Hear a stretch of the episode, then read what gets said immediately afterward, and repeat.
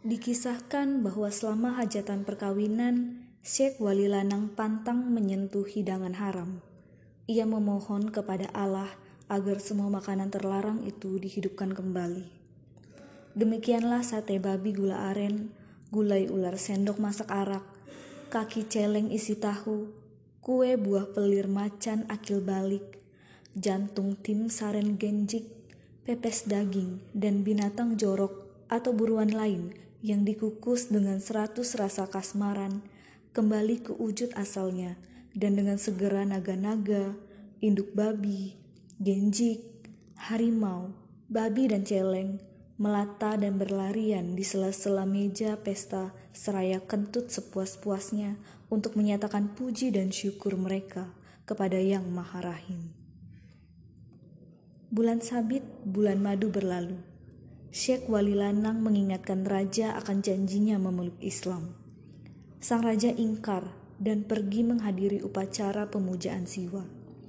Ia mempersembahkan kinang sirih dan bunga di kaki arca perak tegak di atas yoni tembaga, menyembah ke arah terbitnya matahari dan memohon Sri Parwata Raja Dewa, Dewa Gunung, membuahi putri terkasihnya.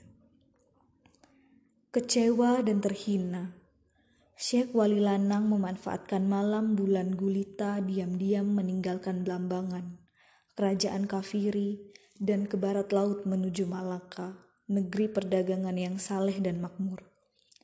Ia pergi tanpa menoleh ke istri tercintanya yang sembilan kali sudah mabuk putih maninya. Setelah kepergian Syekh Wali Lanang, demam berdarah merambah Blambangan. Para korbannya tiba-tiba kerasukan Roh asing dan tulang-tulang mereka kaku diterjang gelombang panas membara. Nyamuk di mana-mana, di semua tempat dan semua siang. Serangga itu terutama menyerang makhluk tanpa daya, sehingga hanya dalam beberapa minggu saja di Blambangan tidak tersisa lagi balita maupun manula. Raja sedemikian gusar terhadap Patih Samboja dan mengusirnya. Patih yang baik itu meninggalkan Blambangan dalam malu dan pergi menetap di Giri. Tak beberapa tak berapa lama kemudian ia meninggal. Semua hartanya jatuh ke tangan jandanya yang lalu disebut si janda kaya karena kekayaannya melampaui kekayaan saudagar Arab, Melayu, India, Persia, dan Cina yang berdagang di pelabuhan-pelabuhan Jawa.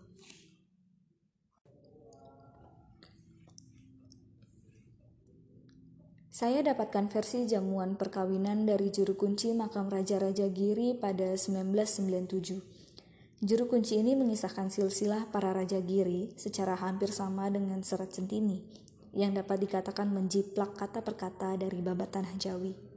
Dengan sedikit perbedaan pada jamuan pesta perkawinan saat Syekh Wali Lanang mengembalikan hidangan-hidangan haram ke bentuk hewannya semula.